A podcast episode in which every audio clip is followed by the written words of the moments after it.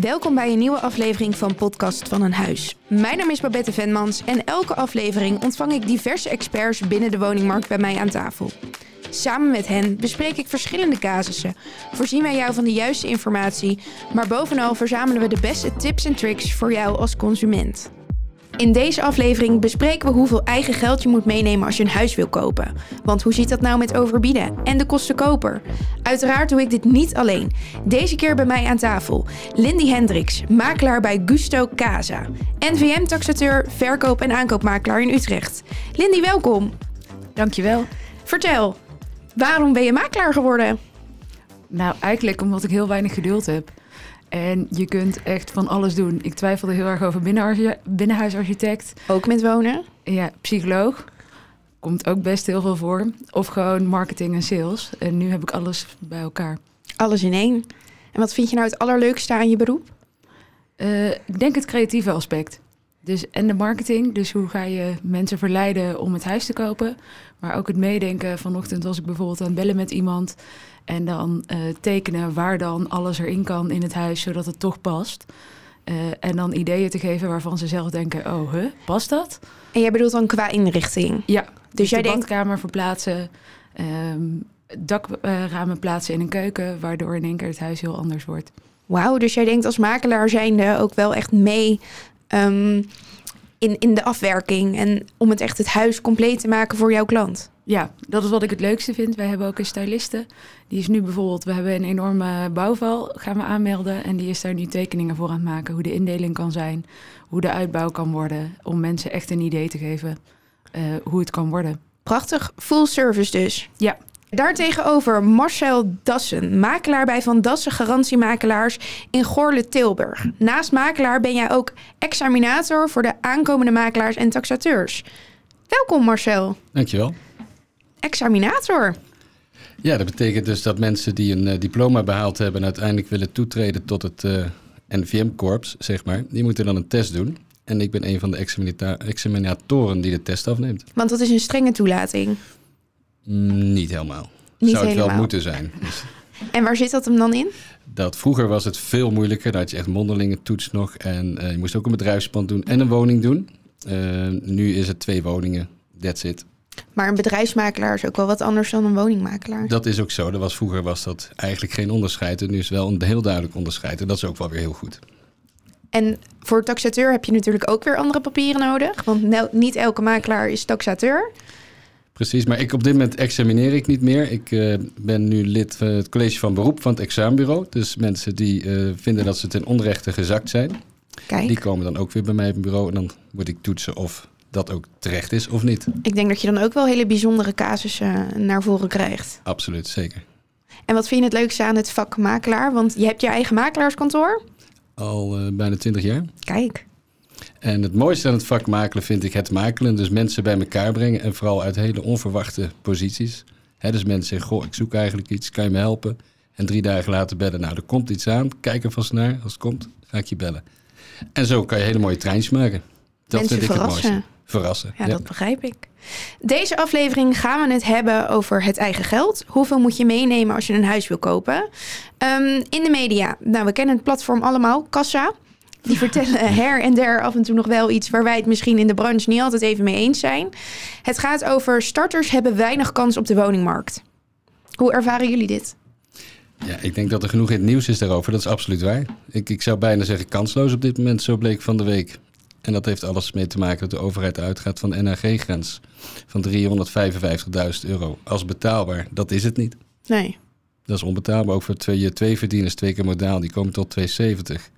En niet aan 3,5 ton en 80.000 euro spaargeld. Ik ken er weinig die het hebben. Nee, dan moet je wel heel jong al gaan nadenken wat je wil gaan doen. En dan moet je Ja. niet eens een studieschuld hebben. Precies, ook dat nog. Maar zie jij ergens dan een oplossing ehm, waar je juist weer ja, juist dat op gang kan krijgen? Ik denk dat juist op dit moment dat bijna onmogelijk is, ook gezien de enorme kosten om een huis te bouwen, de grondposities. Het- ja, op dit moment denk ik echt, echt een stand-off hebben en dat is vreselijk. Ik heb de oplossing niet. En ik hoe denk dat, sorry, Ja, nee, super. ik denk dat de stijgende rente ook al een heel groot gedeelte van de oplossing is. En dat klinkt een beetje gek, maar wat nu het grote probleem is, is dat het nou ja, eigenlijk tot vorige week toen de rente nog iets lager was. Ehm, als je doorschoof naar de volgende woning, ging je er wel eens op vooruit in maandlasten. Ja. Waardoor zeg maar de eh, ja, doorstarters door konden starten, steeds groter gingen wonen. En waardoor zeg maar, het voor de starters steeds moeilijker wordt. Dus waar het voor ze nu voelt alsof het een enorme ramp is dat de rente stijgt en ze minder kunnen lenen, is het denk ik uiteindelijk een zegen voor ze dat de rente stijgt. Want dan gaan mensen niet meer verhuizen naar nog groter, nog meer, omdat het kan en omdat het voordelig is. Nee, het moet echt een, een, een, een keuze zijn dat je natuurlijk groter wil wonen. Maar je merkt ook dat mensen tegenwoordig in een eengezinswoning blijven wonen... die juist ook weer kleiner kunnen gaan wonen. Daardoor houdt het ook een beetje op slot. Ja, maar dat is ook door de regelgeving. Mijn ouders wonen bijvoorbeeld best heel groot, met z'n tweeën. Twee opritten. Oké, het kost daar ook niet zoveel als bijvoorbeeld in Utrecht. Maar ze hebben een enorme garage erop staan. Nou, dat is gewoon een groot vrijstaand huis.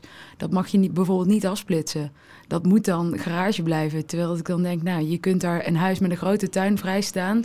Zou je hier kunnen realiseren? Dat mag allemaal niet. De percelen gewoon opsplitsen is een heel lang juridisch traject. Terwijl wie wil er tegenwoordig, nou ja, misschien wel meer, maar ik niet. Ik hoef geen perceel van 5000 vierkante meter. Daar En kunnen je wat mij het ook betreft onderhouden. eh, drie huizen of vier of misschien nog wel meer op staan. Ja, Laten we daar iets mee doen. Maar die procedures zijn zo traag ja dat, de meeste mensen daar niet aan gaan beginnen. Ehm, je had het net over de provincie Utrecht. Dat is natuurlijk ook waar jij werkt. Eh, in, het, eh, in de aflevering van Kassa ging het over dat geen enkele gemeente in de gemeente Utrecht kan je terecht met minder dan 40.000 euro eigen geld. Hoe is dat in jouw ervaring? Ik ben het daar niet altijd helemaal mee eens. Waar ze bij Kassa en Radar en dat soort uitzendingen altijd van uitgaan, is dat de vraagprijs de waarde is van de woning. Maar wat wij nu zien is dat als je de waarde vraagt voor de woning, dan komt er niet één kijker. Dus je moet soms al bijna een ton onder de vraagprijs gaan vragen om uit te komen op de waarde van de woning. Ehm, en als jij gewoon een goede aankoopmakelaar hebt eh, of al gesproken hebt met een taxateur, dan weet jij tot welk bedrag de woning getaxeerd kan worden. Stel je zit onder de 4 ton en je bent een starter, heb je al geen overdrachtsbelasting. Dan heb je natuurlijk wel ehm, de kosten van de notaris, ehm, van eh, de taxateur, ehm, De van de bank, de makelaar, de bouwkundige keurder. Eh, dat soort kosten heb je wel, maar je hoeft niet per se altijd 40.000 euro. Heel veel makelaars sturen ze ook weg, omdat het makkelijk is als ze wel een ton eigen geld hebben. Maar ja, mijn opinie is... het Hoe bedoel je dat wegsturen? Ja, als ze als aankoop zeg maar komen van, eh, kan ik jou Wil jij me helpen? geven? Ja. Ja. Eh, dat zal zeggen, oh, heb jij maar 20.000 euro eigen geld? Nee, dan is het kansloos. Ehm, Oh, Het is best, Marcel. best beschamend dit. ja. ja. maar het gebeurt wel. Marcia's ogen gaan helemaal Ja. groot. Ehm, ja, ik, vind, ik probeer altijd wel te kijken en ook wel mensen een realistisch beeld te geven van oké, dit zijn de waardes, eh, hier gaan de woningen ongeveer voor. Hier kan het op getaxeerd worden, dit moet je hebben. Maar ik stuur niet iemand die maar 20.000 euro eigen geld heeft weg. Ik probeer iemand wel goed na te laten denken dat zijn eisen niet altijd passen bij zijn budget. Dus waar kunnen we kijken waar de kansen in zitten? Hoe ervaar jij dat in Tilburg en Eh, omstreken? Ja, als ik kijk naar het, naar het aankoopmakelaars gebeuren, dan vragen mensen wel eens aan mij van, goh, de huis staat te kopen, moeten gaan bieden. Voor vrijdag moeten we een envelopje nemen. Wat moet ik bieden? Ja, het is heel onnozel dat ik dan als makelaar zeg, ik weet ook niet, hoe graag wil je het hebben? Wat is het je waard? Want het, ja, het begrip waarde is compleet weg. Ja, nou het begint ook heel vaak met ja, hoeveel procent moet ik overbieden? Ja, maar dat is bullshit. Wij hebben, deze week gingen er weer een paar onder de vraagprijs weg. Dat is denk ik twee jaar niet gebeurd. En laatst kwamen wij, hadden we voor een klant zeg maar gewoon voor de vraagprijs aangekocht. Wij waren daar zelf niet zo heel trots op omdat we het zelf nog steeds best veel geld vonden. Maar we werden uitgenodigd voor de housewarming.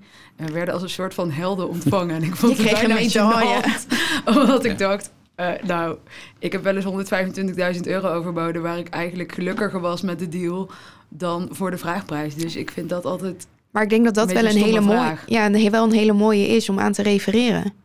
zeker... Ja, ik denk dat die starter ook moet nadenken dat de markt veranderd is. Hè? Eh, Je gaf al terecht aan de oplopende rente is helemaal niet zo ontzettend vervelend. De markt komt een beetje tot rust. Je kan weer op een leuke, normale, verantwoorde manier een huis kopen. En dat betekent dat er niet altijd wordt overboden, want de rook is er echt vanaf op dit moment. De markt is nog steeds goed, maar de rook is er vanaf. Maar niet nee, overal, merk ik bij ons. Nee, ja, ik kom uit het zuiden, Tilburg. Ja. Maar, op, maar tot twee, inderdaad, panden rond 2, 2 ton, ja, dat is nog steeds gekhuis. En dat Wij gaat hebben geen panden van veranderen. twee ton in Utrecht, dus die kennen we niet. Garagebox misschien. Ja, nou, dat, die zijn gelukkig nog wat lager. Maar Lindy, jij gaf net aan dat, er, ehm, dat als jij een woning in verkoop neemt, dat je gaat kijken van oké, wat is het huis waard? Dan gaan wij daar iets onder zitten voor de vraagprijs. Ehm, nu geeft Marcel aan dat de rook er een beetje uit is. Waar moet je dan rekening mee houden? Ja, met vraagprijs overbieden als je op Funda gaat kijken. Stel je kan om en nabij de 4 ton kan je een woning aankopen. Ga je dan kijken naar woningen met een vraagprijs van 3,75 of van 3,25? Ik denk dat dat in heel Nederland wisselend is. Want als je in Utrecht voor 4 ton kunt, zit je al tussen de 3 en de 3,25 waar je max kunt kijken. Maar dat vind ik ook weer een spannende. Want stel iemand zet hem veel hoger in de markt, dan komt er niemand. En dan kun je misschien ook wel voor 4,25 kijken en voor 4 ton kopen. Dat is een beetje wat ik net ook weer aangaf. Het is gewoon heel belangrijk. En ik snap dat mensen niet weten hoe het zit. Ehm, wat is nou de waarde? Maar juist daarom schakel je iemand in die, die dat er wel verstand weet. van heeft. De aankoopmakelaar, hij komt weer naar voren.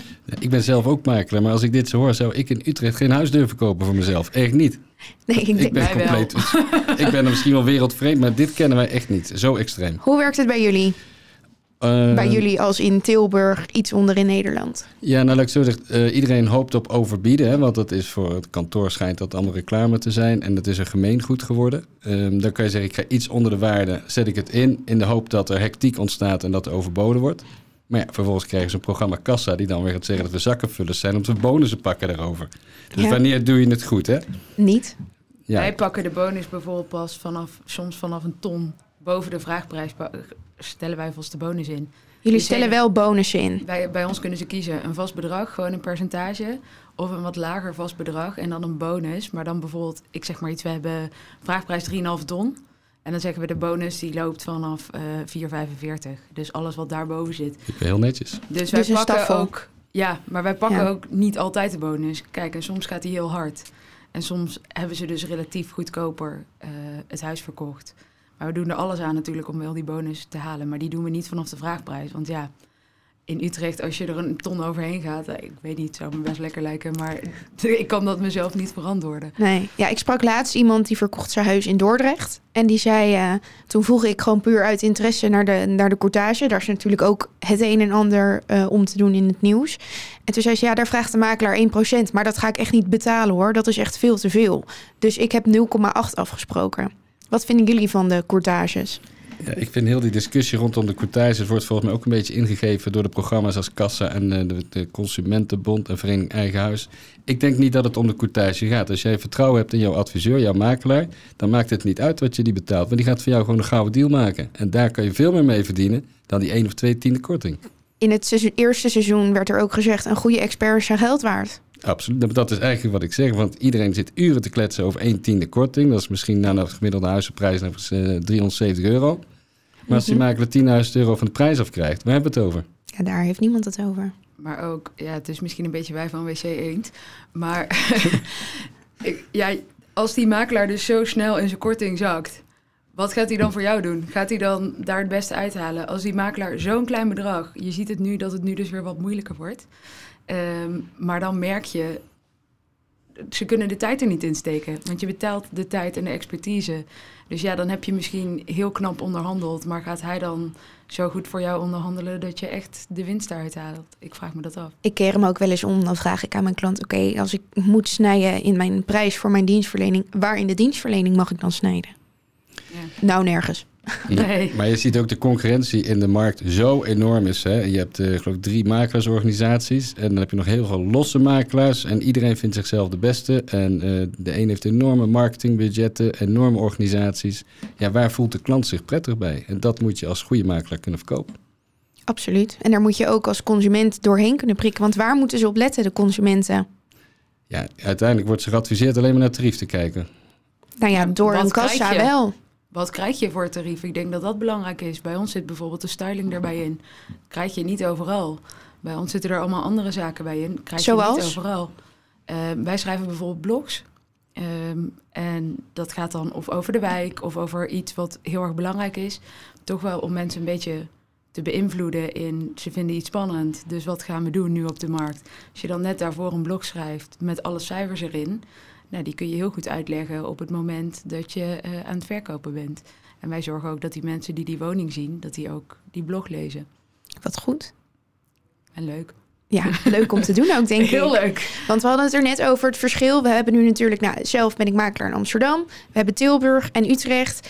Ehm, jij herkende het aspect overbieden, lager erin zetten, minder als eh, hoe wij dat kennen in Utrecht. Wat vinden jullie dan van makelaars die landelijk opereren? Of een makelaar die eh, in Amsterdam aan gaat kopen in Tilburg?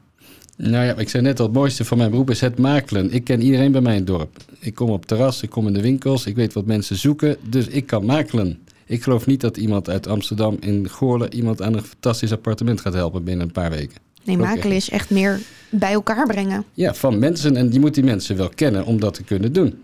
Ja. Dus ik geloof dat je een hele korte straal moet hebben. Ik geloof ook echt in de dorpsmakelaar of de stadsmakelaar, maar wel in zijn eigen stad. Ehm, Utrecht ken ik zeg maar op straatniveau. En ik kan in het dorp waar ik vandaan kom, ken ik het ook nog redelijk goed. En mijn vader is aannemer geweest, dus die weet ook nog redelijk veel van de huizen. Dus die kan ik dan meepakken. Maar dat doe ik echt alleen. En dan zeg ik ook, oké, ik schakel daar ook nog iemand in. Anders kun je, ik geloof niet dat je van, al van alles alles kunt weten. En dan de mensen die zelf hun huis verkopen. Die, ehm, want ik weet niet hoe dat bij jullie zit, maar wij krijgen soms wel eens een aanvraag dat mensen zelf hun woning hebben geprobeerd te verkopen. Want in de huidige markt, nou, je hoeft hem bijna maar op Facebook te zetten en je bent er vanaf, om het zo te zeggen, om het even in de consumententaal te houden. Ehm, wat vinden jullie daarvan? Het is een vrije keuze, maar je moet je realiseren... als je jouw huis niet op de markt hebt gezet... of niet groot op funda hebt weggezet... dan weet je nooit of je de beste prijs hebt gekregen. En sommige mensen hoeven ook niet de allerbeste prijs. Die vinden goed is goed. En die denken dat ze bespaard hebben en dat ze het goed gedaan hebben. En ook daarvoor geldt, als gevoel goed is, moeten ze het doen. Mooi. Ik denk dat het heel belangrijk is dat je de regels goed kent. En als het een hele eenvoudige deal is en alles gaat goed, dan is alles leuk. Dan mag je in je handjes klappen, denk ik. Maar dan is Ja. het gevoel ook goed, hè? Dus dan, Dat is, maar meestal blijkt er daarna toch... Ik word heel vaak dan uiteindelijk nog gebeld. ehm, ook wel uit het dorp waar ik vandaan kom bijvoorbeeld. eh, met zaken die dan even... Ja, hoe zit het dan? En dan denk ik, ja, daar heb je dus die makelaar voor. Want dan was je hier niet gekomen. Dus ik denk dat mensen wel eens onderschatten... wat er nog meer bij komt kijken bij een woning kopen of verkopen. En het juiste moment van verkoop. Hè? Er zijn natuurlijk legio mensen die nieuwbouw hebben gekocht... en eigenlijk al een jaar geleden een huis verkocht hebben. Ja. 18% woningstijging laten liggen. Is niet handig. Nee, maar je hebt wel je zekerheid. Dat is waar, maar 18% over gemiddeld koopsom is Ja, veel dat is geld. hè? flink. Dat is flink, absoluut. Maar sommige mensen slapen liever lekker. Dat is een keuze en dan ga je weer terug naar het gevoel uiteindelijk. Daar is waar het om gaat. Ik heb ook wel vaak dat ik een woning taxeer, dit uitleg aan mensen. En dat ze dus daarna, dan moeten ze hem nog taxeren voor de overbrugging. En dan leg ik dit helemaal uit. En dan komen ze daarna bij je terug. Omdat je zoveel hebt verteld en over die prijsstijging en hoe alles in elkaar zit. Dat ze dan daarna zeggen, oké, kun je toch ook op verkoopgesprek komen?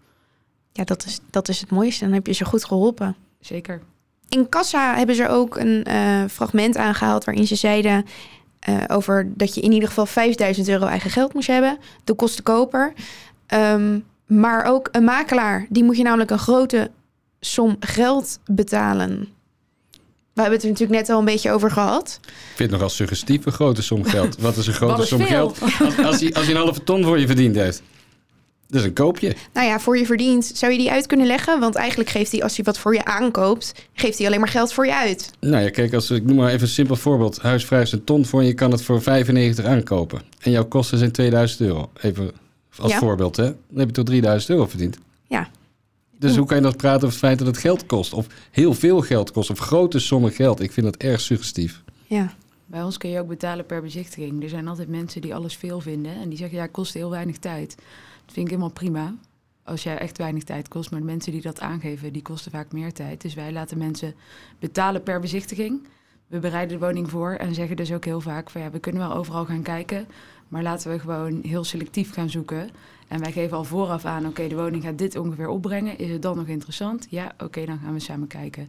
En daardoor kun je nou ja, word je gewoon heel goed geholpen. Want anders kan je overal kijken. En heel veel vrijnemen kost uiteindelijk natuurlijk ook geld. maar per bezichtiging betalen is ook wel weer gevaarlijk. Want hoe vaak komt het nu voor dat je binnen nu eh, binnen één tot drie bezichtigingen een woning aankoopt? Wij kopen meestal aan binnen zes bezichtigingen. En dan vooral omdat we samen heel goed bekijken...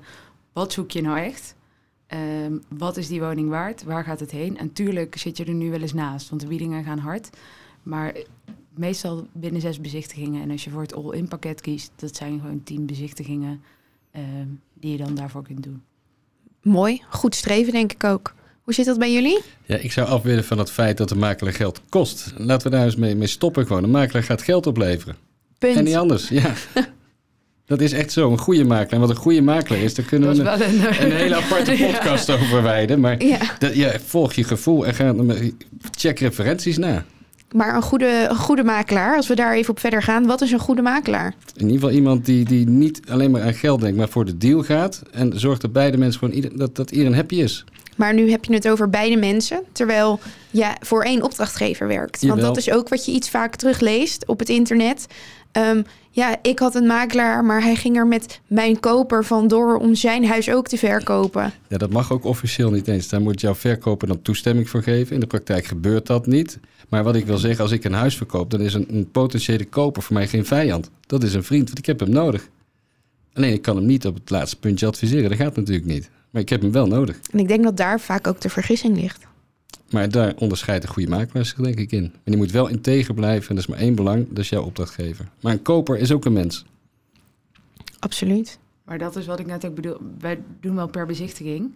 ehm, maar wij zorgen ervoor dat mensen dus veel meer, ehm, nou ja, zeg maar van breed naar smal gaan. Ze echt goed gaan nadenken wat ze eh, willen. En niet maar met hagel schieten en overal gaan kijken en eigenlijk nog steeds geen flauw idee hebben. En maar heel snel willen aankopen voor het hoogste bedrag. Wij zeggen ook wel eens, nou, dit moet je niet doen. Of dit is een woning die niet goed bij je past. En dit is de reden. Kijk, als we dan toch willen, helemaal prima, dan gaan wij er ook voor. Maar we proberen mensen wel echt een advies te geven waarom de woning wel of niet wat voor ze is. En waar baseer je dat advies op? Je gaat natuurlijk in gesprek met ze. Ehm, maar laat je mensen dingen op een rijtje zetten. Want het is best wel lastig als je iemand niet kent. ehm, om toch een grote beslissing of te adviseren in een grote beslissing. Ja, ik zeg altijd, ik ben een beetje een nerd. Maar ik laat mensen altijd in Excel gewoon opschrijven. Wat vinden ze belangrijk? Eh, wat zijn letterlijk hun kosten? Dus ook wat geven ze uit aan koffertjes op het station? Ik zeg maar iets stoms, want dat, daar gaat best veel geld naar uit. Ehm, hoe ziet jouw ideale zaterdag eruit? Eh, ga je het liefst in bad of ga je het liefst in de douche? Het zijn echt super stomme vragen. En mensen zitten mij heel vaak heel raar aan te kijken van... ja, wat vraag je me nou allemaal? Maar Waarom wil jij dit weten? Doe ik dit om samen te bedenken, oké, wat wil je? En is misschien het helemaal niet zo erg als je niet in de stad Utrecht woont... maar is net daarbuiten ook prima. En dan kun je wel alle andere wensen van je lijstje afvinken.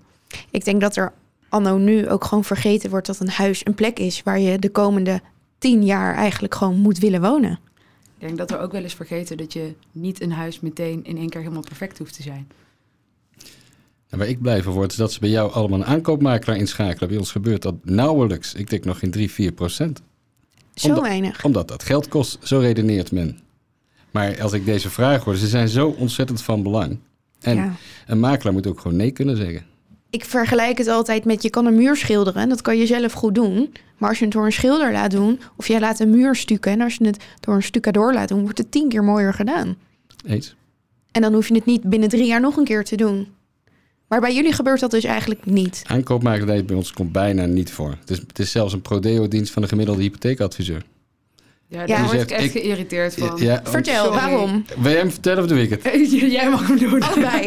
Nou, je hebt heel veel hypotheekadviseurs, die zoeken allemaal handel en die gaan dan klanten gaan ze zeggen, ja wij kopen die woning wel aan, wij kennen die makelaar wel, regelen wij.